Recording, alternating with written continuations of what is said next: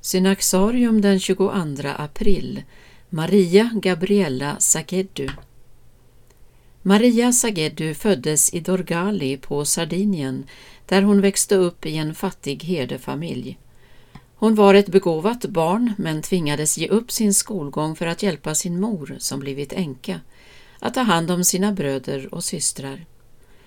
Maria hade inget större intresse av andliga frågor men allt skulle förändras när hon var 18 år.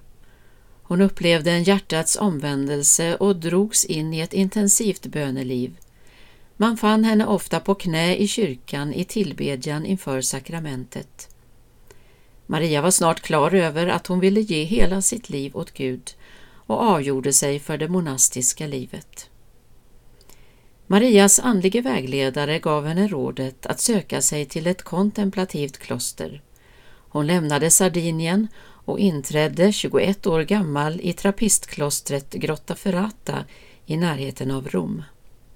Här fick hon vägledning av den insiktsfulla abbedissan Moder Pia och Maria upptäckte den andliga ekumenik som företräddes av den franske prästen Paul Cotrier, en av initiativtagarna till den internationella böneveckan för kristen enhet. Efter en gudstjänst i klostret där man särskilt bett om upprättelse av enheten i kyrkan upplevde Maria hur Herren talade till henne om att ge sitt liv för den kristna enhetens sak. Samma natt kände hon en svår smärta i skuldran. Hennes hälsa försämrades den närmaste tiden och efter några månader fick Maria, som nu antagit namnet syster Maria Gabriella, diagnosen tuberkulos.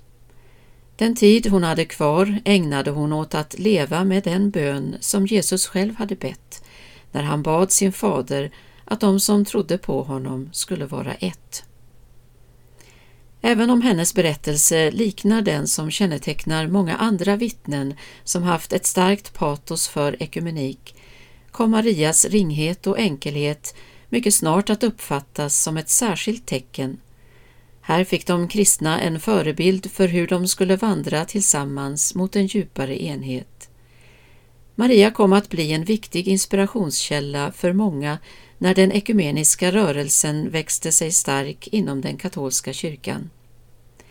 Berättelsen om hennes liv, hur hon frambar sig själv som ett offer för kyrkans enhet, gjorde djupa intryck på människor i många traditioner och länder. Syster Maria Gabriella dog den 23 april 1939, endast 25 år gammal. Hon saligförklarades av påven Johannes Paulus II 1983 i samband med avslutningen av den årliga böneveckan för kristen enhet. Hennes minnesdag firas den 22 april.